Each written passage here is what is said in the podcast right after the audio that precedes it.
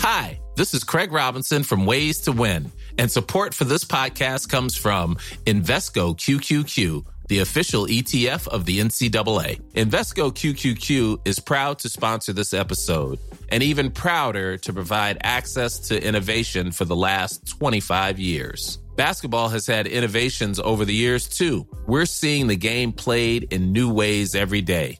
Learn more at Invesco.com slash QQQ. Let's rethink possibility. Invesco Distributors, Inc. Mom deserves the best, and there's no better place to shop for Mother's Day than Whole Foods Market. They're your destination for unbeatable savings, from premium gifts to show-stopping flowers and irresistible desserts. Start by saving 33% with Prime on all body care and candles. Then get a 15-stem bunch of tulips for just $9.99 each with Prime. Round out Mom's menu with festive rosé, irresistible berry chantilly cake, and more special treats. Come celebrate Mother's Day at Whole Foods Market. Many of us have those stubborn pounds that seem impossible to lose, no matter how good we eat or how hard we work out. My solution is PlushCare. PlushCare is a leading telehealth provider with doctors who are there for you day and night to partner with you in your weight loss journey. They can prescribe FDA-approved weight loss medications like Wagovi and Zepbound for those who qualify. Plus, they accept most insurance plans. To get started, visit plushcare.com slash weight loss. That's plushcare.com slash weight loss. Er du klar for pod, Øystein? Veldig klar for pod. Det er jo så hyggelig å ha gjester på besøk her i Scootspod-studio. Ja. Så denne episoden gleder jeg meg til. Ja, her skal vi noe dypdykk i eldre historie. Ja, så er det den der herlige linken da, som har vært innom den der røde tråden fra Apache-sykkel til RC-bil til folkevogn. Og Den elsker vi jo å snakke om, så den skal vi innom med nå. Ja. Vi kjører pod, da. Ja, gjør det. Du lytter nå til Scootspodden, en norsk podkast om klassisk bil med Jon Roar og Øystein.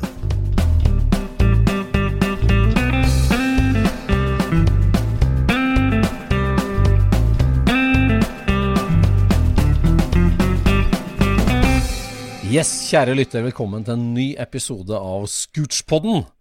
Eh, I dag er vi så heldige at vi har med oss en gjest i studio, og det er ikke hvilken som helst gjest. For eh, første gang jeg møtte kveldens gjest, da sto vi bøyd over et depotbord på eh, Norges RC-bilbana på slutten av 80-tallet. Og så møttes vi igjen på ti folkevogntreff på tidlig 90-tall, så det er en sånn felles rød tråd. Det er veldig hyggelig å ta imot eh, mannen som står bak verdens lengste prosjekttråd. Den legendariske Gia-tråden på VVTU og VV Norge. Velkommen inn i Scootspot-studio, Roy Grelland. Takk skal du ha. Veldig hyggelig å ha deg inn her. Eh, Du er jo flink til å legge ut. Du driver i garasjen og holder på hele tida. Er du, eh, har du akkurat vaska hendene og kommet fra garasjen, eller hvordan er eh, Ja, nei, det stemmer det. Det har jo vært en runde i dag òg. Det går i sliping av sparkel om dagen. Ja, det gjør det, ja. Akkurat. Ja, Er det på sønnens bobleprosjekt, eller hva? Ja. Konfirmasjonsgaven. Ja. Ja, der er det sånn at den eldre generasjonen må trå til for de ordentlige møkkajobbene, eller? Er sånn? Ja, han gjør det aller meste sjøl, men jeg er sånn konsulent. Men eh, ut, utførende konsulent i perioder. Jeg skjønner. Ja, for du har virkelig ført eh, arven videre med interesser for eh, teknologi og teknikk og, og gamle folkevogner. Ja, det, men det blir jo fort sånn. Eh, Har du noen interesser og disse små gutta, de er ikke så små lenger, da, men når de var små, henger med i hva jeg driver med i garasjen eller hvor som helst, så deler man jo til slutt interessen, og det er jo veldig trivelig, det. Ja, det er veldig trivelig. Der har du lykkes stort, Roy. jo, takk for det. Ja, ja den der kloningsmaskina der, den, den er interessant. For du har tre gutter, du. Og han, eh, nå er det sistemann bare som bor hjemme, og han eh, fikk boble til konfirmasjon. Ja, det stemmer. Han, er, han ble 16 nå i, i vinter, da, men han, han har jo to eldre brødre som eh, når de ble 16, så hadde de lyst til å ta lappen på lett motorsykkel. Og så var ikke han sistemann så ivrig på det, så når det nærma seg konfirmasjon, da, hvor de andre hadde fått litt eh, tilskudd til både sykkel og lappen, så spurte han pent må jeg, må jeg ta lappen på motorsykkel, pappa. Uh, nei. Det det du må ikke det. Så han lurte på ja, men er det, er det, kan jeg heller kjøpe meg en, eh, en, en boble som jeg kan pusse opp, da. Oi. Så, det er ikke vond å be da, vet du. Da var det ikke vondt å være. Så der gikk konfirmasjonspengene, eller? Ja, gjorde det. Ja, det er herlig. Hva slags eh, konfirmasjonsgave valgte han? Hva slags boble er det vi snakker om? Det er en 68-modell. Eh, 1300. Vanlig håper å si dusinvare. Det var jo ganske mange av den. Det var vel den årsmodellen det var en av de ble solgt flest av, så vidt jeg har skjønt. Så. Mm. Mm. Men vi, vi har litt sansen for litt sånn late looker-stil, så det blir litt sånn eh, myk eh, Calluck-stil til slutt, da. Så Det tøft. er et bra sted å begynne. Det er ikke gærent, det. Nei, det er ikke gærent. Men han har, han har jo skrudd en del før òg, ut ifra det jeg har sett. Men han, han lærer jo en del nå, for han gjør alt sjøl. Sveising og alt mulig. Ja da. Eh, sveising og han har, Hele båtplata er jo nå ferdig eh, bytta gulv og bytta alle slitedeler osv. Og, så og nå er det karosseriet som eh, får gjennomgå, da. Han gjør alt sjøl. Ja, gjør det. Men er du med mye, da, Å vise eller veilede, på en måte? Eller? er Ja, jeg gjør jo det, men han eh, er ikke noe must. Han går stadig ute i garasjen aleine og pusler litt. Så Ja. klarer seg fint. Hvordan, hvilken stand var bobla i når han fikk tak i den? Nei, den, var- den var ikke fullt så dårlig som eh, Gian var når jeg kjøpte den, men eh, den var ikke god. Eh, det var svære høl i gulvet og Vi var heldige, da, så vi fikk med et ekstra karosseri som eh, var mye bedre enn det som satt på bilen, på en måte. Så eh, det var mye, mye sveising og mye rust til å begynne med. Men nå er det lakk som er rett rundt hjørnet, da. Ja, vi ser for oss eh, noen kvelder til, så kan vi i hvert fall få lagt på et lag med epoksygrunning, da, så at vi kan komme videre i prosessen. Mm. Fantastisk. Fantastisk. Ja, for du nevnte Gian, og den legendariske Gian din, det er jo, eh, ja, som vi sa innledningsvis, en, en lang prosjekttråd og et, et prosjekt som vi har fulgt med interesse. Men det starta jo enda lenger tilbake for der, og vi får nesten ta deg helt tilbake til Apache-sykkelen. hvor, eh, For du er vokst opp der eh, på Nøtterøy, Tønsberg? Ja, nærme. Jeg vokste vokst opp i Åsgårdstrand, da, men det er jo i Ja. samme område, ja. ja. Mm. Hadde du òg en far som rustsveisa hver kveld, eller? Så Nei, det var Han eh, Nei. var revisor, så han var eh, svært lite praktisk anlagt. Akkurat. Ok. Så jeg kan ikke helt skjønne hvor jeg har fått dette fra, men eh, det, det kom ikke derfra, i hvert fall. Nei. Når skjønte du det, at du var over middels interessert? Nei, altså det er jo litt som du var inne på. Det, mange er jo borti litt sånn RC-bil og litt sånt noe til å begynne med. Og så var jeg jo litt heldig da, at det var et litt uh, aktivt RC-bilmiljø i Åsgårdstrand. Nå er ikke akkurat det verdens navle, det er vel 2000 mennesker som bor der. Men de hadde en RC-bilklubb som eh, kjørte hver fredag på, gymsalen på skolen. Og da blei jeg jo med på det. Da var jeg vel 11-12 år, tenker jeg. Og Da skjønte jeg jo at det, dette var jo moro. Og ikke bare akkurat å kjøre, men skruinga og få det til å funke og forbedre og, og se hva som ja, Som, som med Gian, da, så finner du også ut hva som ikke funker. Men uh, det er jo en del av læreprosessen. Så det var jo ganske tidlig. Ja for det, altså, vi, vi elsker jo RC-bil i uh, Scootspodden. Og, da må du nesten gå gjennom litt sånn kort diskografien din for eh, eh, altså, eh, CV-en din på RC-bil. Hva, hva var første bilen? Nei, det var en sånn eh, Tamia, sånn Nissan eh, Eller Datsun heter det vel. Ja. 240 Z, var det det de het? Ja, aha, akkurat. Som var en sånn ba banebilaktig, da. For det var jo mye Vi kjørte jo inne på teppet. Ja. Ja, det er jo en veldig tidlig Tamiya-kit. Ja.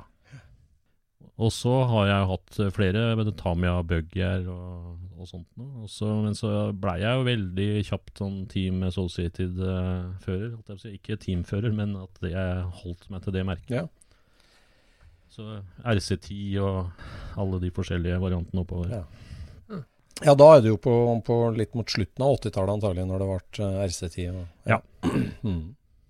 For den første var i Men det er liksom 82, 1 til 12 innendørs som har vært eh, det jeg har eh, holdt på med mest. Ja. Som jeg på en måte var uh, skal kalle det aktiv eh, en lang periode. Ja. da. Så vi reiste rundt i hele Norden og Europa og kjørte eh, EM og nordisk og NM og masse forskjellig. Åssen løste du det, da? Var, hvem var det som kjørte? Nei, jeg hadde heldigvis han, eh, en kompis, da, Geir Bakken som han heter. Han var noen år eldre, så han eh, fikk jo lappen da en fire-fem år før meg. Ja. Så han hadde en gammel Audi 100 blant annet, og en Volvo 240 stasjonsvogn som vi lasta full med utstyr og reiste rundt. Ja, Geir Bakken, ja. Det er et kjent navn, ja. Når du sier det. Nettopp. Ja, ja. ja. Du var kamerat med Han er fortsatt still going strong. Ja. Han. Eh, vi holder jo på ennå, Ja, det gjør det. Får ikke gitt opp. Ja, ja. Ja, ja, nå demrer det for meg her. Nå demrer det for meg. Ja, hva, hva slags Kjørte du Associated til tolvskalabiler, da? Ja. Det har stort sett vært det hele, Ja. helt, hele tida. Akkurat. Ah, akkurat. Hva er største altså, Når tok det her virkelig av, da, som du sier, kjøre rundt på EM og sånn? Det var, det var slutten på 80, da? Det var jo det. Jeg, det var jo når jeg gikk på, på si, eh, videregående og sånt noe, men så begynte jeg å studere, og da var det jo ikke så enkelt. Altså både med Det er jo ikke gratis, eh, som de fleste hobbyer. Eh, så jeg var ikke så aktiv da, da. Og så reiste jeg jo til USA, og da hadde jeg ikke verken tid eller penger til å holde på med det. Så det var jo fram til ja, begynnelsen av 90-tallet. da. Ja, Du kjørte ikke i USA, da? Nei, altså det, jeg, det var, jeg bodde jo langt ute på prærien. Det var svært lite den type aktivitet i området. Så det var ikke så mye å hente der. Men jeg kjørte masse andre biler, da. Men det var jo store biler. Ja. Mm. Men det var jo her eh, altså Du kjørte 1-12 banebil, og det var jo gjerne innendørs på nålefiltbane. Ja, ja sant? Og helt flat bil, 1-12-skala. Men der jeg møtte deg, det var jo på 1-10-skala offroad-banen. Helt riktig. Eh, jeg trodde det var Geitryggen i 88-89, kanskje, på NM da. Men Ja. uh, kanskje var det en gang før òg, på Råholt. Ja, jeg, jeg lurer på det. Men, jeg, vi var ikke så veldig aktive i 1 10, men vi, vi var med på noe. Det var liksom 1 12 Ja. som var vår uh, greie. Men både Geir Bakken og jeg var med på 1 10 en god del. Ja. Ja, jeg mener du kjørte RC10 i hvert fall. Det jeg gjorde det. Der. Når vi, ja, Jeg var så jækla misunnelig på det bakhjulsopphenget på din. det, må vi, det må vi få med. ja, Hva var det for noe, Roy? Nei, han hadde Det var noe sånn uh, slepede bærarmer. Altså, de har hengsla i forkant, så de, de, de var liksom Ja, ja, ja. konstruert litt annerledes. Så de bare fløyt over de jævla høla oppe i Råholt så på en helt annen måte enn det vi greide. Vi hadde ikke kjangs til å henge på.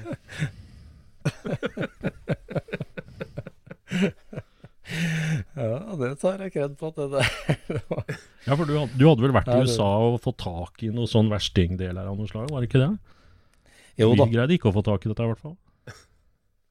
Nei, jeg, jeg, etterpå så starta jeg å importere det der, da, så jeg tok Ja. jo hjem og sett uh, og var litt kremmer på. Men uh, vi, jeg var jo i USA i 87, jeg bodde der. Og da besøkte jeg jo Associated-fabrikken og kjøpte meg RC10. Og så lasta på med spesialdeler Ja, borti der.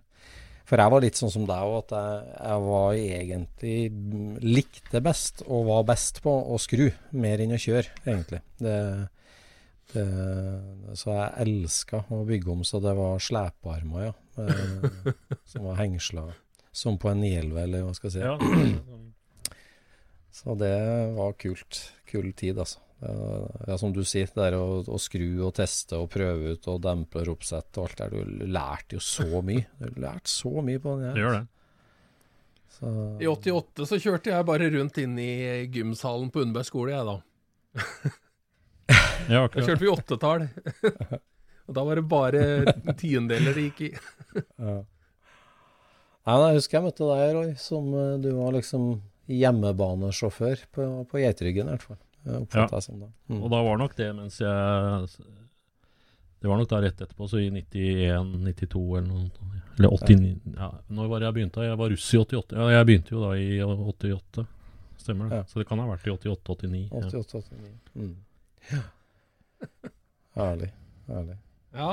Um, for da er det ikke eh, Altså, jeg bare tenker, uten å, å, å hoppe for mye, så for jeg, jeg tror at OK, jeg møtte deg da i 89 på RC-biltreff, og så tror jeg det var uh, Humbug Tjøme i 95, kanskje? 96, eller noe sånt, da. Eh, at jeg var Ja, nedover og møtte deg igjen. Bare jøss, Ja. Roy. så det var ikke så mange år imellom der, men jeg husker det. Ja, hva var det Hvordan er den overføringa fra mekking på 1 til 12-skala på mekking på 1 til 1? Altså, hvordan opplevde du det? Nei, det Altså, eh, du, du prøver jo å overføre en del av de samme tinga du eh, har lært, da. Men det er, det er, det er jo litt eh, ekstremt, det som vi driver med i 1 til 12. Altså, det er jo en bil som er i 1-12-skala, som gjør kanskje 60 km i timen. Så hvis du ganger opp det med 12, da, Mm. så er det liksom skalahastigheten. Og da, da trenger du litt mer ekstreme kjøreegenskaper enn det du har i ei boble. Så, så Men hvorfor blei det boble der, Roy? Nei, det, det tror jeg var litt tilfeldig. eh, at eh, han eh, revisoren, altså faren min, han er ikke så veldig til å skru, men han hadde jo masse bobler eh, opp igjennom, så jeg var jo vant til at vi hadde hatt det, mange, som de aller fleste andre. Og så var jo, altså det var jo eh, Jeg var 16 i 85, og da var jo en 69-boble var eh, Den var jo ikke mer enn 15-16 år gammel, så det var jo ikke noe gammel bil, sånn sett. Det var jo en helt kurant bil.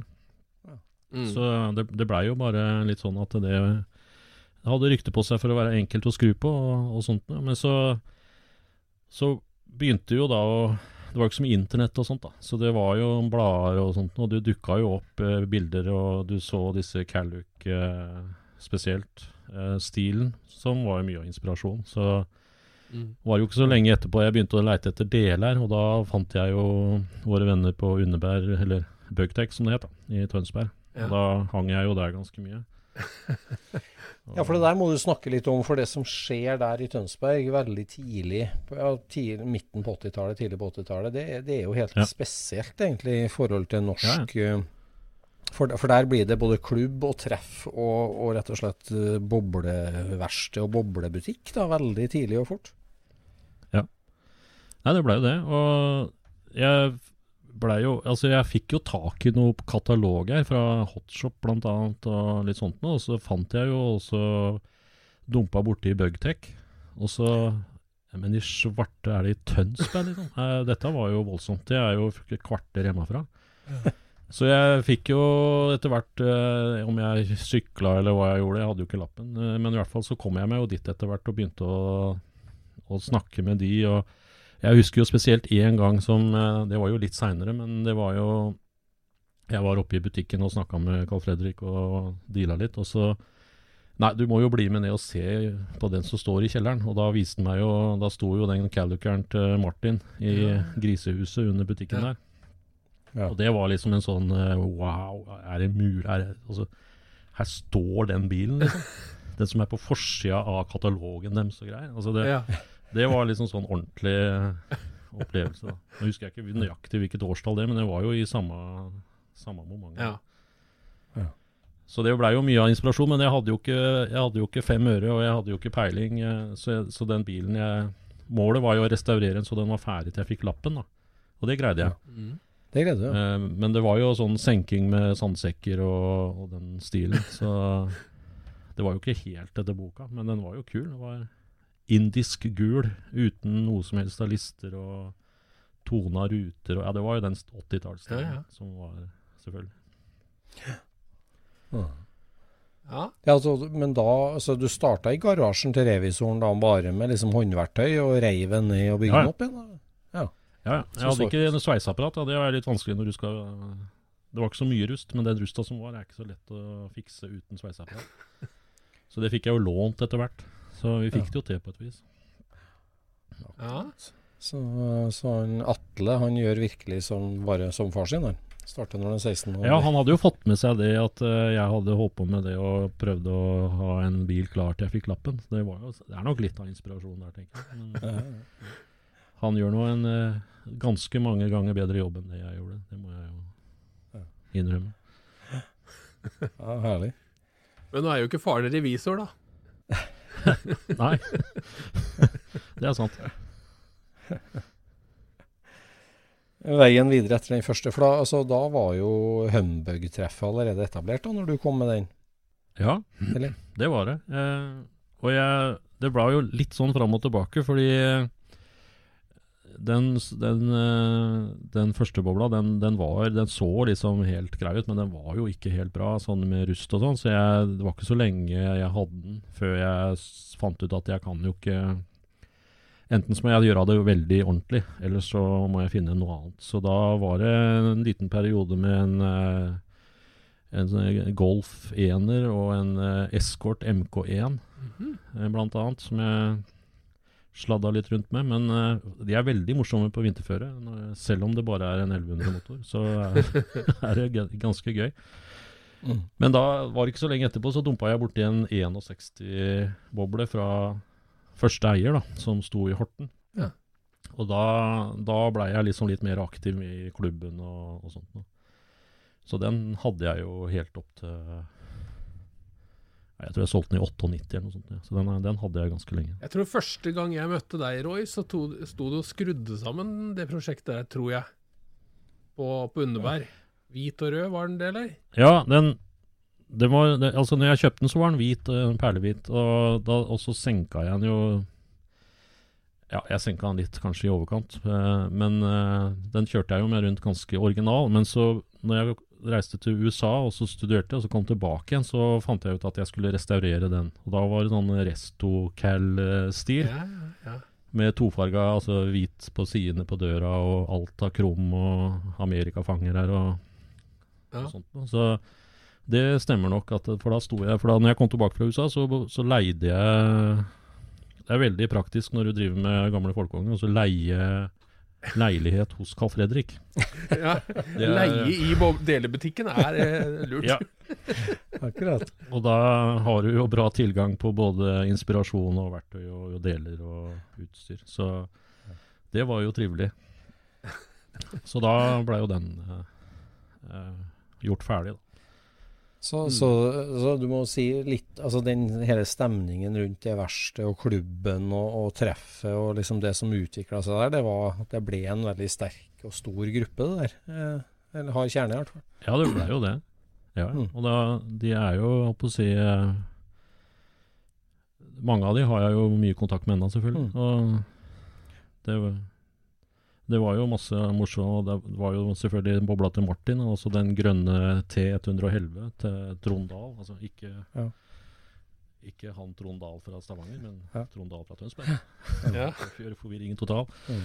Eh, den bobla er jo fortsatt i sving her i Vestfold. Så det var jo mye som skjedde i den perioden. Og det var en ganske bra gjeng som eh, dro i gang disse Humbug-treffa og sånt også. Så det var moro, det. Det skjedde mye i Tønsberg. Øystein Lindahl med dragracing og, og alt det der òg, liksom. Mm. Ja, det var, det var kjempemoro. Det var jo liksom litt sånn kongen. Ja, Han, han gjorde jo det vi andre drømte om, på en måte. Altså, Ja. Putta sliksa baki, så kjørte til Gardermoen, og så dro masse drag hele helga. Og så bare putta han sliksa baki og kjørte hjem igjen. Det var liksom Ja. stilen. Ja.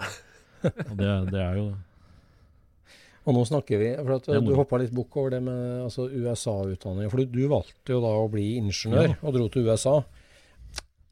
Ja, altså jeg prøvde, jeg prøvde å påvirke foreldrene mine til at jeg burde jo bli bilmekaniker eller noe, for det er jo så gøy. Men de var jo veldig sånn Nei, du, ta en, eh, ta en utdannelse, så kan du heller drive med bil som hobby. Ja. Og det angrer jeg vel for så vidt ikke på. For det Jeg begynte jo da Først så begynte jeg da å studere i, i Porsgrunn. På Ingeniørhøgskolen, og det var jo da jeg antagelig traff deg på, over mekkebordet på Geitryggen, eh, Øystein, og vi drev og skrudde Mm. RC-bil. For da bodde jeg jo i Porsgrunn tre år. Og så fant vi ut at eh, en gjeng at vi hadde jo vært moro å reise til USA etterpå, så vi dro til Sør-Dakota. Det er liksom ja, det. Det er en annen opplevelse enn California, for å si det sånn. Eh, så det var ikke mye calluker her der. Da, så det var jo litt moro. Men det, det var jo mye bil der òg. Men det, jeg hadde vel på de to og et halvt åra så kom jeg til at jeg hadde tolv biler. Ja, okay. Og den dyreste av de var 800 dollar. Så det, det gikk veldig mye i sånne Chrysler New Yorker og sånne kjempesvære flak som du ikke hadde kjangs til å kjøre her hjemme. da. Ja, hvilke, hvilke år var det der, da? Det var fra Jeg kom hjem igjen i 93. Ja. Så det var fra 91 til 93. Skjønner. Og målet når jeg skulle bort dit, det var jo at jeg skulle Jeg hadde spart opp noen kroner, altså så jeg skulle liksom prøve å finne meg en Gia som jeg kunne ta meg hjem. For det, Gia har jo vært drømmebilen fra dag én. Ja. Eh, og jeg fant en Gia som jeg brukte til og fra skolen en periode, men den var, den var, den var, den var enda verre enn den Giaen jeg restaurerte da jeg kom hjem. oi, det sier litt. Det sier litt. Det sier litt. Ja. Så den, eh, den eh, var ikke verdt å ta med seg hjem, da. Så, men jeg kjørte litt folkevogn der òg. Så hadde jeg en 62 brun metallic eh, Baja-buggy. Som var bygd om på slutten av 70-tallet. Som jeg hadde funnet i et skur. da Og Den også kjørte jeg rundt med, men den også, når batteriet datt ut av båndplata, sånn, så hadde jeg, jeg hadde jo ikke noe utstyr eller noe for å kunne sveise eller mekke noe der borte, så jeg fikk ikke gjort så mye med den. Eller. Men ja. Men på en måte, det- altså det med in interessen for RC-bil og bil, det, det ble altså da yrkesvalg og utdanningsvalg og veien din, eh, altså, mm, mekkinga. Ja, på, ja, det var liksom det tekniske, da. Men det, altså, det var litt tilfeldig hva jeg For jeg, jeg tok jo sånn eh, litt sånn generell elektronikkutdanning. Ja. Det var ikke mekanisk eller sånn. Så det, det var liksom litt på sida, men det var jo mye teknisk sånn sett. Ja. Så, Ja. Men det er nå litt av grunnen til at jeg nå etterpå har holdt på litt med dette med elektronisk innsprøytning og litt sånn eh, Ja. Ikke fullt så tradisjonell Calluc-løsninger, i hvert fall. Men det er jo fordi jeg hadde litt interessen av å se hvordan elektronikken kan hjelpe deg til å få litt mer fart i ting. Da. Mm, mm. Ja, men også da, I forhold til RC-biler, du sier at du fortsatt kjører 1-12. det- Der har det jammen meg skjedd litt på elektronikksida. Ja da. Det, det er litt moro. Altså, når guttene var litt mindre, så var vi og prøvde litt. Vi kjørte litt, litt smått her og der. Men så, nå som eh, i hvert fall to av de gutta har flytta ut, så tenkte jeg nei, jeg, jeg må jo ha litt å holde på med. Så han jeg nevnte, Geir Bakken, da, som da er noen år eldre enn meg igjen også, vi, vi fant ut at nå må vi jo begynne å kjøre litt modellbil igjen. Så vi, vi har jo da selvfølgelig satsa på den råeste klassen som går absolutt fortest av alt du kan tenke deg. Når du liksom er passert 50. Det er naturlig. Naturlig. Reaksjonsevnen er på topp. Ja, ikke sant. Så, men det er kjempegøy. Og det er, du treffer masse av de gamle folka. Og nei, det, det er stas å ha litt uh, interesser og hobbyer. ja, ja. for nå er det Og børsteløst. Atle, Og, han yngstemann, er selvfølgelig med, men han har én betingelse. At hvis han kjører fortere enn meg, så får han ikke være med lenger. Så. Ja. ja. Herlig. Så kommer du igjen fra USA, da, med ikke noe folkevogn i lasten. Men uh, da skriver vi 93-94, og ja, da tar jo Ja. virkelig folkevognmiljøet i Norge av, skal vi si, med klubber over eh, Ja. det ganske land og full trøkk. Hvor uh, Ja ja, du, du bor, bor i Bugtech-lokalene, eller uh, Unneberg bil senere, og, og, og det Gian, når dukka den opp, den berømte Gian? Nei, det, det var ikke så Altså, jeg nevnte jo at den røde og hvite restolukkeren som jeg bygde når jeg Eller gjorde ferdig når jeg kom hjem, da. eh, Den uh, solgte jeg ganske kjapt etterpå. For jeg, jeg hadde jo egentlig et såkalt eh, Gia-fond når jeg dro til USA, men det drakk jeg vel opp der borte. Så jeg, jeg, hadde, jeg kom hjem uten Gia og uten penger. Så da tenkte jeg da får jeg prøve å selge den bobla, da, og så se om jeg klarer å hoste opp eh, nok til å finne meg en Gia. Og det, det blei jo ikke så mye penger igjen av den bobla, så jeg drev jo og leita litt for å finne en Gia. Og den Giaen jeg fant som jeg hadde råd til, det var jo den jeg har nå. Og det var i 97 som jeg 98 var det jeg kjøpte den, da. Ja. Og da reiste Carl Fredrik og jeg til Skien og henta den. Ja. Og det, det burde vi aldri ha gjort. Nei. Nei, det var dårlig. Så vi, jeg begynte jo liksom å se ja, Jeg har jo tenkt å få bil ut av det, så jeg begynte jo å plukke i det. Og så så jeg jo hvor dårlig han var, så da endte jeg opp med å bare satt den opp på låven hos Carl Fredrik, og så begynte jeg å samle deler. For jeg så jo det at det her må det mye, mye frisk plåt til før at dette kan bli bra. Ja. Ja, for jeg, jeg tenkte litt på det her at uh, altså, når du da begynte å legge ut bilder av den bilen, eh, altså det prosjektet, når du begynte å rive i det, så det er klart at da, på slutten av 90-tallet, så var jo det eh, Altså det, det der nettet for hva som er restaurerbart og ikke, det har jo forandra seg nærmest proporsjonalt med tiden, skal du si. Men eh, det, altså, etter vi har blitt vant til å se jordhauger blir bussa i England og sånn, så, så, så er jo, var, har liksom blitt litt normalisert. Men det du gjorde da, altså den var jo altfor dårlig egentlig til å begynne på da. Men, men, men du, du, gjorde det jo, og du viste jo vei, syns jeg, med den, den, tråden der og den, det prosjektet der. At, at, at du ja. gjorde det, det var, det var unheard of det i Norge på den tida der. Så, så på bånn. Ja, jeg jeg oppdaga jo det etter hvert. altså For meg så var det jo helt naturlig. altså Det var, det var jo ikke naturlig å lage en prosjektor, og det var jo ikke derfor jeg gjorde det. Men så eh, så jeg jo etter hvert at eh, For det første så var det jo på, på, forumet det skjedde, og ikke på Facebook og andre ubrukelige plattformer. Så det, det, var jo der det var aktivitet. Og da tenkte jeg altså ja, men da kan det jo hende det er noen som er interessert i å se på det her òg, da. Og det viste seg jo at det var. Og jeg kjørte jo en sånn dobbeltløp, for jeg, jeg, hadde jo en uh, tilsvarende prosjekttråd på Desamba. Ja. Og den, den, ligger jo der enda som en slags sånn referanse for hvordan du kan restaurere en Gia i garasjen. Ja. ja. Og den hadde jo mange hundre tusen treff. Og, uh, og det, det, var jo en inspirasjon i seg sjøl i perioder, ikke sant? At uh, du, du, var gira på å vise litt framdrift, da. Ja. Men når, eh, når begynte du denne tråden? da? Ja, det, det, må jo ha vært uh, ja, midt på 2000 et eller annet. sånt nå. Jeg, det er litt vanskelig, det begynner å bli lenge siden jeg begynner å bli gammel. Men det, det var i 2004-2005 et sted, tenker jeg. Ja. Og da var det sveising og sveising og sveising. ja. ja. det er jo godt gjort for en som ikke kan sveise. Men uh, du, du, får jo trening, trening etter hvert. men, men det som jeg syns var så fantastisk, var jo at du du, du, viste jo både seire og nederlag. Altså, det, du, det var liksom ja. Noen ganger gikk det gærent, og så fiksa du det. Så, det var liksom Alle som tenker på Roy og Gian, det er én en eneste ting som står fram, og det er tålmodighet. Ja. Enormt med tålmodighet. Ja. ja da. Det er sant, det. Og det, det var jo Én ting er jo at uh, den Kiaen er jo ikke den enkleste bilen å begynne på. Det er jo, det er jo mye lettere konstruksjon i ei boble. Mm. Ja. Men uh, Gian, i tillegg til at det er mye rare doble plater og mye rare løsninger, så er den jo også håndbygd. Så det, det er jo ingenting som Du får ikke kjøpt en eh, rep-del som passer. Nei. For det blei jo også tilpassa på fabrikk, ikke sant. Så du kjøpte noe, og så passa det ikke, og så måtte du finne noe annet, eller så måtte du begynne å lage. og Jeg hadde jo ikke peiling, men jeg hadde jo heldigvis eh, Carl Fredrik, da, lang, ikke langt unna. Nå, da hadde jeg jo jeg hadde jo flytta prosjektet hit.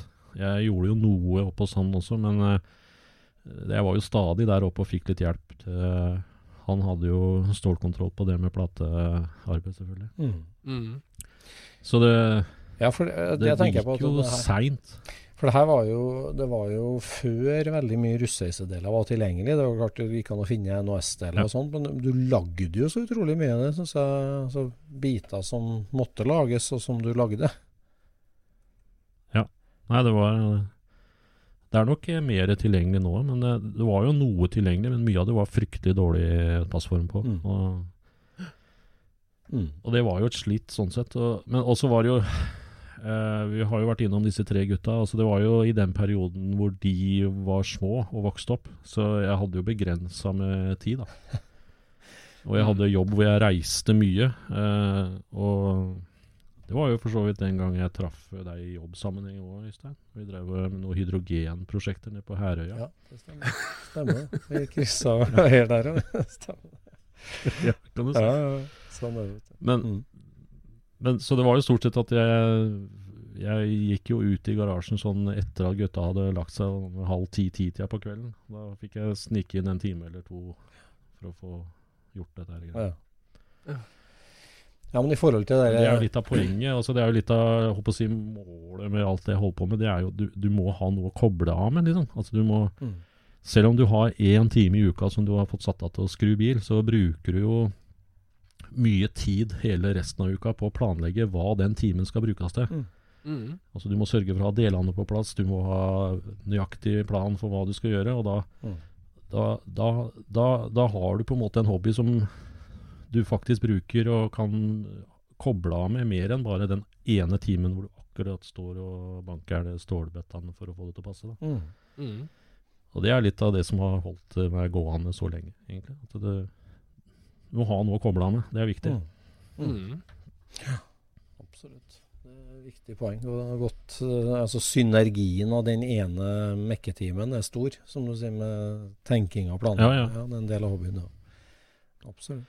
Og det også gjorde at det, når jeg da la ut eh, alle både tabber og, og det jeg fikk til på både VV Norge og på den eh, Desamba da i USA, så, så får du jo mye tilbakemeldinger òg, ikke sant. Mm. Altså du får mye hjelp. Mm. For det, det er eh, Mm. Det var jo ganske mange som fulgte med, og du finner alltid en eller annen som har gjort den samme brøleren før, eller eh, ser at nå er du i ferd med å gjøre den samme brøleren han har gjort. Eller, altså, det, så du får en del innspill også, og det er jo nyttig og hyggelig. ikke minst. Ja. Du får jo mye kontakter rundt omkring. Men jeg tenker det, du, du var veldig tidlig ut og bana vei med altså En ting som vi snakka om med eh, å gå løs på en så dårlig bil og bygge opp og gjøre det og sånn, men det her, her med å ha, ha telefon fram, eller kanskje du har digitalt kamera for det til å begynne med, altså ta bilder av de her tingene Ja, og skrive om det. Liksom. Altså Nå er jo det helt naturlig for folk å liksom document my life, men det var jo en jobb, og det var jo liksom nybrottsarbeid når du drev med det, Roy. og Det var jo ja, forbilledlig, egentlig, det der eh, da.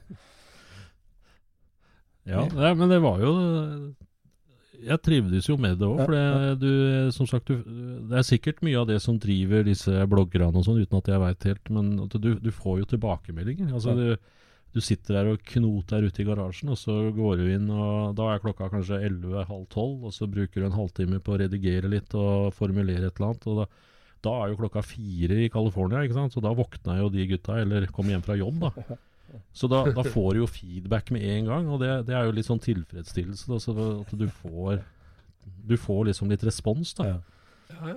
Så Du var en tidlig Gia-influenser, rett og slett. ja, ikke sant. Ja, hvor lang tid tok det der at du satt tenningsnøkkelen i bilen? Altså Si at du starta i 04-05 da, eller noe sånt.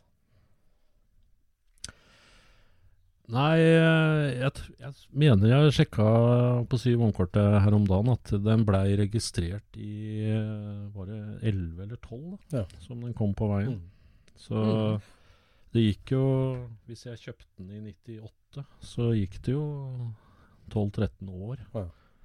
Før han var ferdig. Så det er ikke noe rart det blir lange prosjekter òg. Når, du- bruker så lang tid. Men hva er det med, hva er det med Karman Gia da, som har fascinert deg siden du var 16? For å si sånn? Nei, altså det, det er jo fasongen, altså det er jo designet. Mm. Eh, altså og kombinasjonen at det er jo da enkel og grei Volkswagen-teknikk i bånn. Mm. Som jeg altså men, men det er altså Det er jo en av de peneste designa jeg vet om, sånn Mm. uansett merke, nesten. Mm. Og det har liksom treffet så bra med det meste. Mm. Mm. Og så Ja, så det Det er det som er hoved... Så er det litt tilfeldig at siden jeg holdt på med folkevogn i så mange år, så blei det litt naturlig at eh, For da, da, da, da skjønner jeg i hvert fall åssen det tekniske virker også, da, så jeg kan få det til å funke, ikke bare Mm. se pent ut. Så, Mm. u- Ulempen når du holder på så lenge, det er jo at du, du endrer planer underveis. da. Det er jo en uh, generell uh, utfordring. Altså du Mm. Med forskjellige oppsett av interiør og motor og diverse farger og sånt noe. Men det har jeg jo fortsatt med etterpå. Jeg endrer jo motor og alt stadig vekk. Så Ja, ja. Ja, for det er liksom en greie at altså, altså Karmangia og, og Roy Grilland det, er liksom, det har fulgt deg i så mange år, så det er liksom en slags symbiose. Og så er det jo et sånt evig lerret, virker det som, den bilen. Altså, som du sier, registrert i 2011-2012. Uh, men liksom, er jo, den er jo hele tida utvikling. Du, du, er jo stadig vekk. Du gjør ting, legger ut ting. Uh, ja, alt mulig. Det blir som Ja, det er et lerret som du hele tida driver og maler på. Ja da. Nei, det er jo det, det er jo det er jo det Altså, jeg er jo interessert i tekniske ting. Altså, jeg har jo en jobb som er veldig teknisk eh, fokusert, eh, selv om det blir mer og mer sånn papirflytting etter hvert som man får andre oppgaver. Men det, er jo, det sitter jo litt i ryggmargen, og da, da er det jo enda mer moro også å gå ut og teste. Da. Og det var jo, for eksempel så har jeg jo bygd elektronisk innsprøytning sjøl, og det er jo fordi jeg, jeg var jo interessert i åssen i all verden funker dette. Da må det jo begynne et sted. Ja, Da kan jeg jo begynne med å lage det, da. For da, da må jeg jo finne ut åssen det funker. Og da, da finner du jo det ut. Ja. Og det, det funker jo. Ja, det funker. Så, Men jeg må jo si at det var veldig frustrerende å sitte og se den tråden. For du hadde brukt så lang tid på å komme til dit at du kunne kjøre, og så begynte du med, Ja. med det sprutsgreiene som tok Det tok jo flere år, det òg. ja, ja. Så, så var det sånn Roy, kan du ikke bare sette på noen gasser så vi kan få kjøre? Liksom.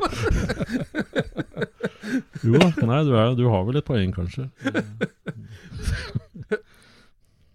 Men altså, det er jo dritgøy å se. Du bare forsker og forsker og forsker og finner ut av ting. Ja. liksom. Ja da. Og det, det, du finner jo ut av det. Altså, det, det er jo ikke helt eh, å si, Det er jo ikke helt i det blå. Jeg gjør jo en viss grad av research før jeg knekker i vei, da, men det er jo for eksempel, det er jo, det er jo gøy å si Åssen motor er det du har i nå? Nei, jeg har en kompressormat av 1600. Ja, det er litt kult, er det ikke det? Det, er ikke så, det er ikke så mange som har det. Nei, Nei. Ja, for det er det siste nå. Etter spruten så har du satt kompressor på den. Ja, nå, nå kjører jeg med kompressor, ja. Fungerer det? Ja, det fungerer kanon, det. Ja, det vil si, det fungerte ikke så veldig bra forrige uke, for da rasa kompressoren. Men eh, jeg har fått en ny en nå, så da fungerer det bra. Jeg, jeg har ikke turt å legge ut det ennå, for jeg får så mye Ja, kommentarer. Ja, for stilen på Gian da, den var liksom meisla tidlig, den med, med Calluck-stilen og sånn, eller Ja da. Jeg, jeg vil ikke gjøre for Altså Det er som jeg sa, jeg syns jo karosseriformen og sånn er jo bare nydelig. Så den er jo litt sånn soft Calluck-stil. er jo Litt senka og fukshjul og, og sånt noe. Og, eh, enkel og grei lakk, liksom. Så jeg, liker jo litt sånn eh, Ikke så fullt hardcore-stil, da. Jeg, jeg Så det og det syns jeg passer eller kler den bilen godt. da. Mm. Mm, mm. Ja, hva, er, hva er neste steg med den nå? For det er jo Ja, den blir jo aldri ferdig, på en måte. Du skal Nei utvikle hele tida.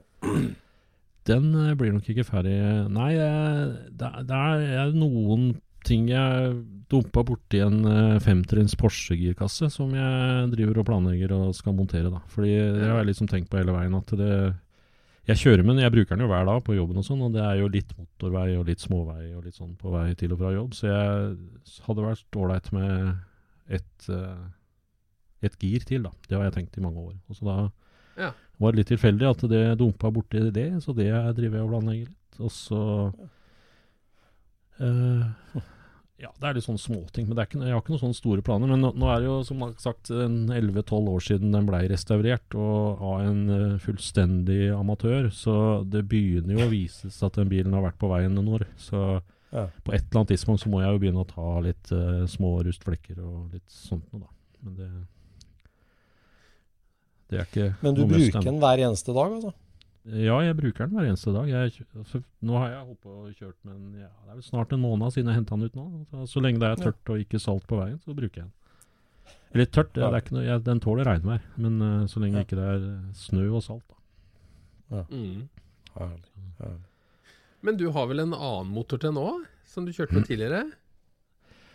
Ja, jeg, jeg har litt sånn eh, Line, kona, er jo litt uh, usikker på hvorfor du trenger flere motorer til én bil. Da. Men det er jo litt sånn backup, for det, det, det raser jo innimellom. Men uh, jeg har en uh, Det var jo et, også et sånt prosjekt jeg bare begynte på at det var noen som hadde snakka om sånn oxybokser. Det hørtes jo morsomt ut.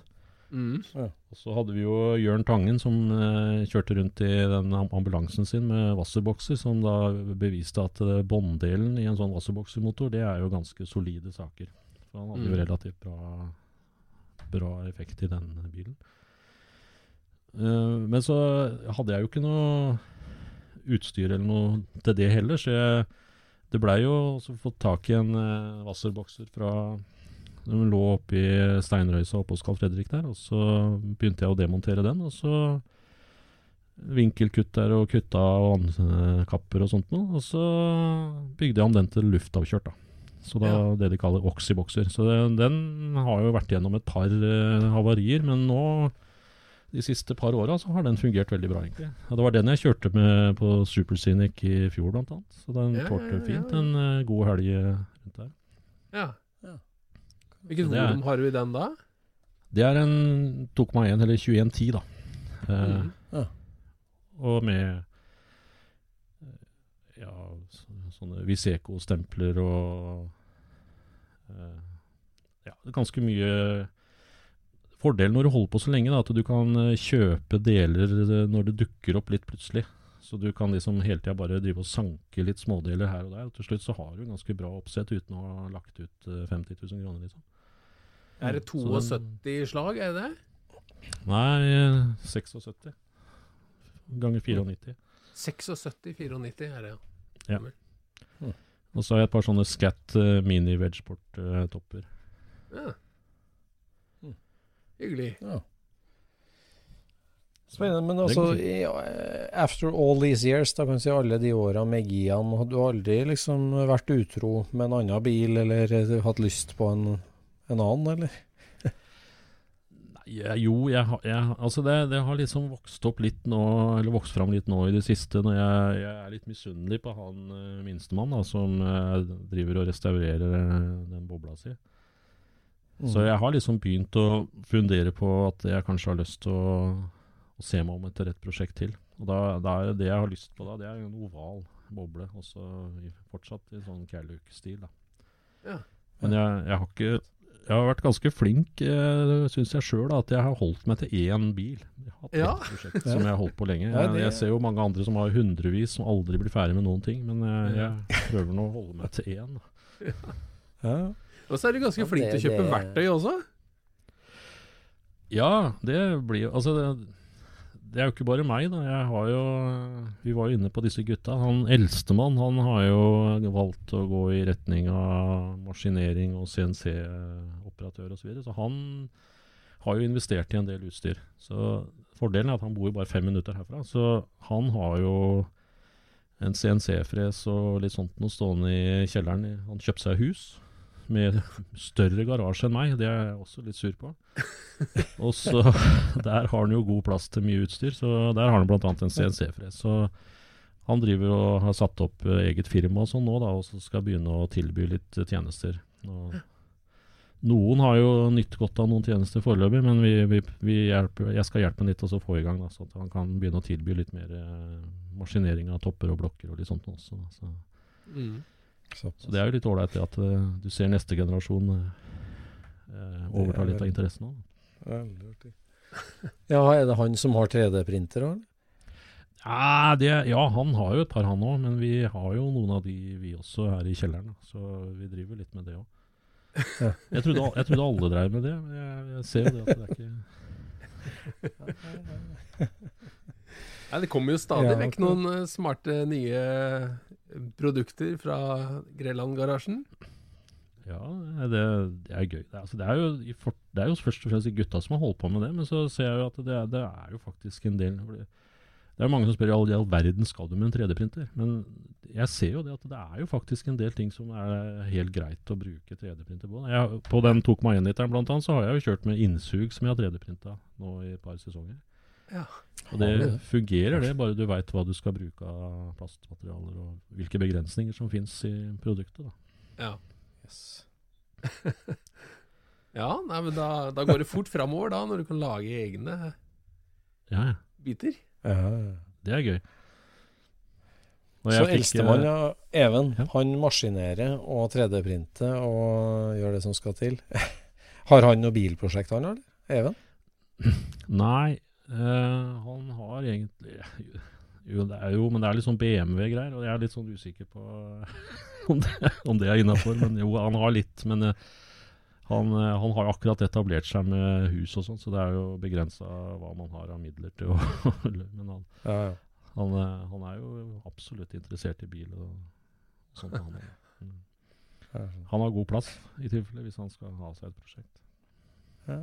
Herlig. Herlig. Akkurat. Så du jakter litt på en oval da, til deg sjøl, for å dra i gang der?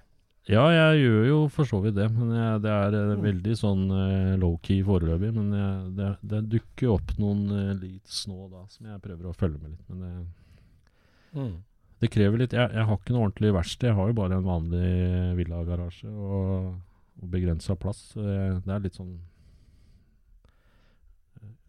Ja, jeg vet ikke helt hvordan jeg skal gjøre det hvis det kommer ett prosjekt til. Jeg, jeg, jeg har veldig forståelsesfull kone, men uh, det er ikke sikkert uh, Jeg har ikke testa ut hvor den grensa går ennå, for å si det sånn.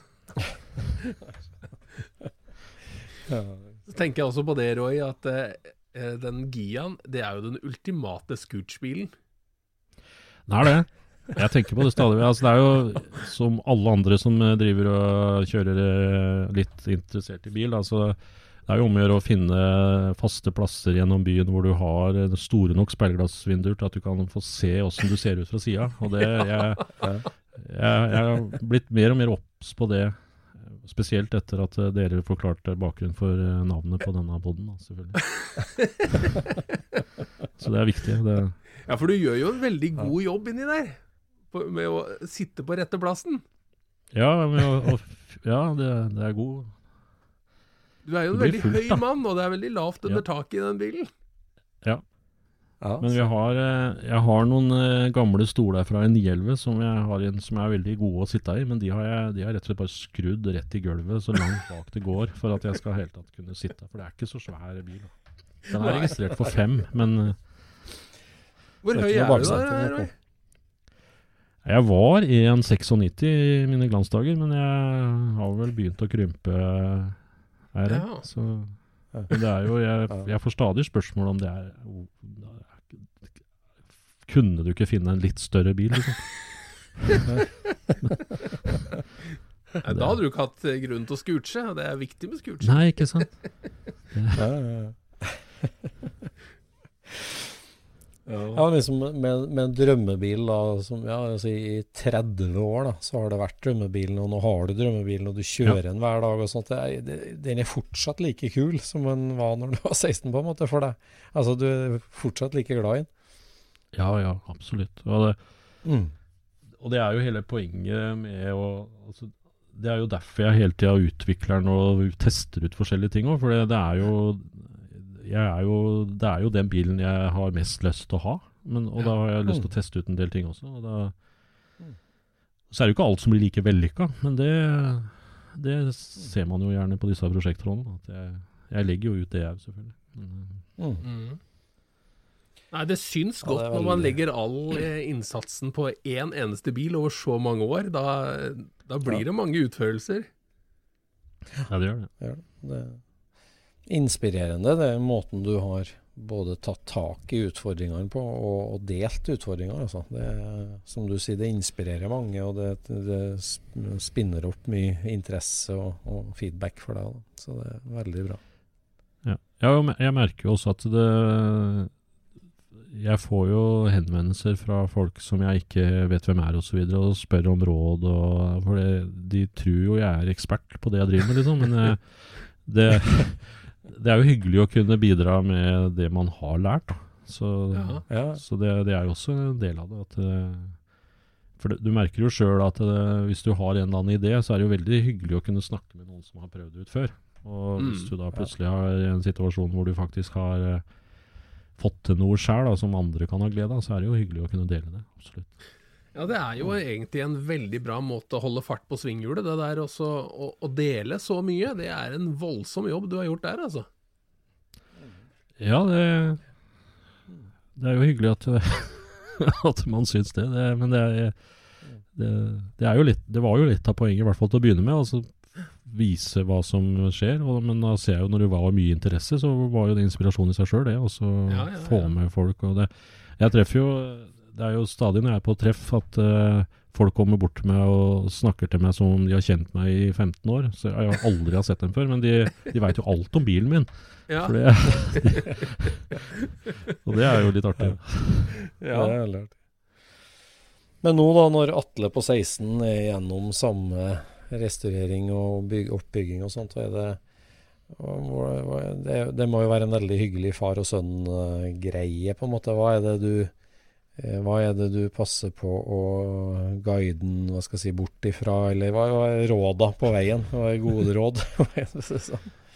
Nei, altså han, han er jo heldig fordi han, eh, han eh, størstebroren hans, da, som eh, han Even, han, han har jo tatt på en måte en utdannelse innen mye av det faget. Altså han har jo lært seg å sveise, han har lært seg en del ting ordentlig. Så han, han får jo en del eh, hjelp som faktisk er eh, faglig bra, og ikke bare mine eh, egne erfaringer. Så det, det går jo mye på at det bare Du må jo bare prøve. Altså, du får jo til.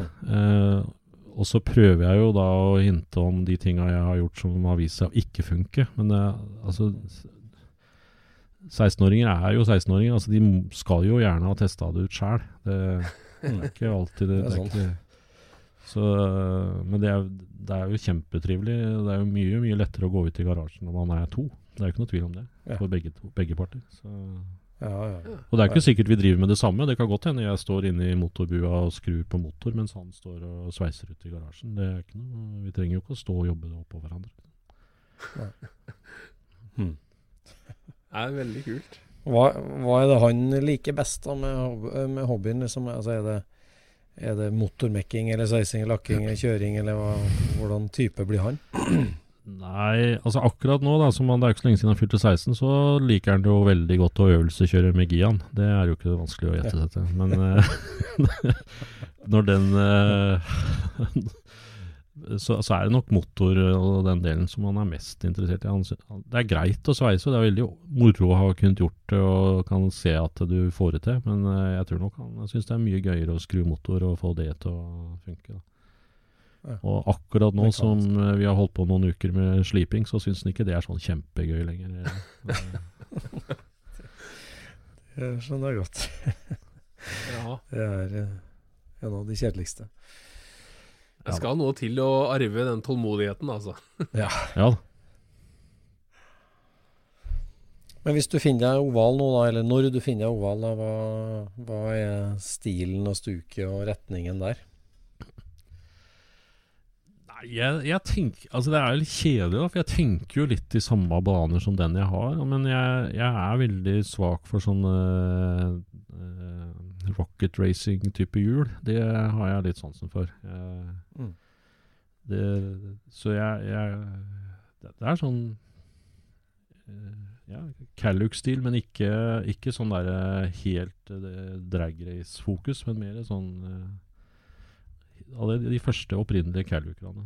Det, det er det jeg Mm. liker. Men, men jeg er litt sånn usikker, fordi jeg, det har litt med den derre Jeg begynte jo ganske tidlig med, med dette datasprut-greiene. da, Og det er jo noen som rynker litt på nesa, vet jeg, Jon Roar, som ikke er så veldig ivrig på sånt. Ja, da ja, vi Faen, med sprut, liksom. Men jeg tenker så Hvis man hadde liksom eh, Hvis, hvis datasprut hadde vært tilgjengelig på den tida hvor de på en måte den Calluck-stilen etablerte seg, så hadde man jo brukt det. Ja, ja. Eh, Så, så det, jeg tenker det er jo litt i den rette ånden, da. Men eh, jeg, jeg er jo selvfølgelig svak for en, eh, en, en nydelig IDA-motor. Det er jo ikke gærent, det heller. Så selvfølgelig. Så. Det er ikke Nei, altså, det er litt- det er i den jo- retningen det går hver gang, Det er jo en veldig interessant diskusjon, det der, der sånn da, for at de menneskene som dreiv med trim og dragracing uh, på den tida der sånn, det var jo folk som var ute etter effekt. Ja. De, de kjøpte jo ikke 48 Ida fordi at det var stilig. De kjøpte det fordi at det ga mest effekt. Ja. Så de hadde kjørt med sprut om det var tilgjengelig da, det er jo ingen tvil om. Og da hadde det Mm. vært klassisk. Ja, det tenker jeg òg. Så Og så er det jo sånn at du å bare slenge på et sprut, det gir jo ikke noe effekt i seg sjøl, men det, er- altså du, det er jo en metode å få blanda riktig mengde bensin i, i blandinga di, og, Ja. og så er det jo om å gjøre å få nok luft gjennom motoren. Det er jo det som er clouet, liksom. Så Ja. Der jeg ofte blir misoppfatta, da, er at folk tror at sprut er lettere enn en fordeler og forgasser.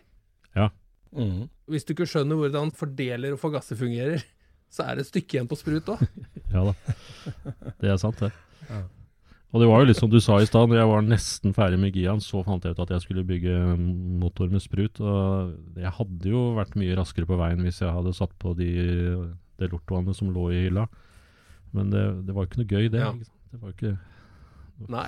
alle, alle kan jo gjøre det. Jeg husker, jeg husker hvor mye buzz det var på SSC når Roy Grelland hadde skrevet på forumet at nå skulle han kjøre til SSC med Gian. Det husker jeg da. Da gikk vi og venta. Kommer Roy? liksom. altså, den bilen vi bare har sett på forum. Ja. Kommer den kjørende nå? Og det gjorde du. Ja da, jeg gjorde det. Den, den gikk ikke akkurat som en klokke, men den, jeg kom meg fram, og jeg kom hjem igjen. Ja. Det er eh, det er ordentlig PR-stunt du gjorde der, altså. Jo, men jeg oppfatta jo ikke som det sjøl. Det var jo ikke derfor jeg gjorde det, liksom. Det er jo bare det, det, Nei, nei, men alle vet om deg, Ja, ikke ja. sant? Mm. Ja. Mm. Så Nei, det er artig. Ja, det er artig. Veldig artig. Både monogamien med én bil som du er liksom helt i symbiose med, og det, det her med tre sønner òg, som er, er det så lik opp av dager. Og det er veldig artig. Veldig artig å følge med på alt du legger ut om, om det de gjør òg. Så gleder vi oss til å se Atle da, på SSC med egen boble. Ja da, han, eh, det er liksom målet hans, da. eh, Men det er litt farlig å si det, selvfølgelig. Men eh, jeg, har, jeg tenker at vi har jo ikke sånn kjempedårlig tid, men jeg veit jo han har veldig lyst til å ha med Altså, han skal jo ha med dit, men om det blir i år eller neste år, det får vi jo se åssen det ligger an. Men Mm. det, det, det kreves noen timer for å komme dit, altså. Så, Ja. men at han kommer på SSC med den, det er det ikke noe tvil om. En eller annen gang. Veldig bra. Veldig bra.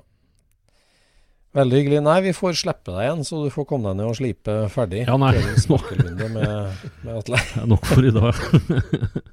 det er nok for i dag.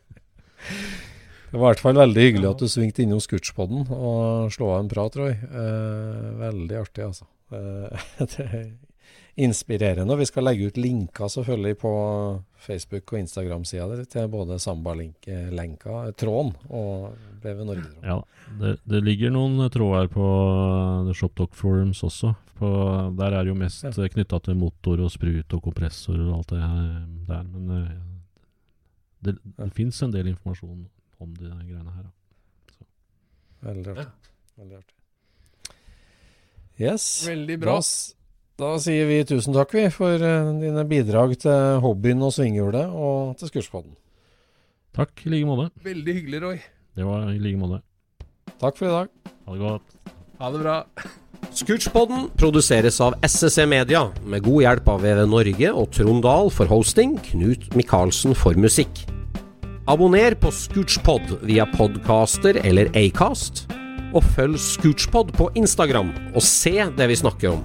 Der kan du også komme med kommentarer og innspill, og fortelle oss hva du vil høre om.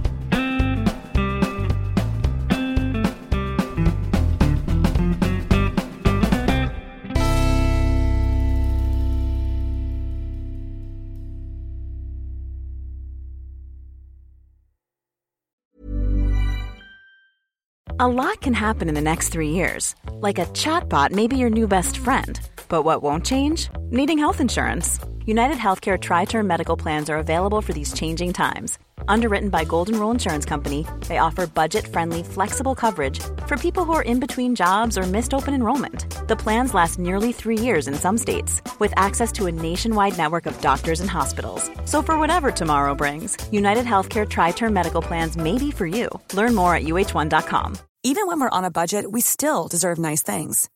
Quince is a place to scoop up stunning high-end goods for 50 to 80% less than similar brands. They have buttery soft cashmere sweaters starting at $50, luxurious Italian leather bags, and so much more. Plus, Quince only works with factories that use safe, ethical, and responsible manufacturing. Get the high-end goods you'll love without the high price tag with Quince. Go to quince.com/style for free shipping and 365-day returns. Mom deserves the best, and there's no better place to shop for Mother's Day than Whole Foods Market. They're your destination for unbeatable savings, from premium gifts to show-stopping flowers and irresistible desserts. Start by saving 33% with Prime on all body care and candles. Then get a 15-stem bunch of tulips for just $9.99 each with Prime. Round out Mom's menu with festive rosé, irresistible berry chantilly cake, and more special treats. Come celebrate Mother's Day at Whole Foods Market.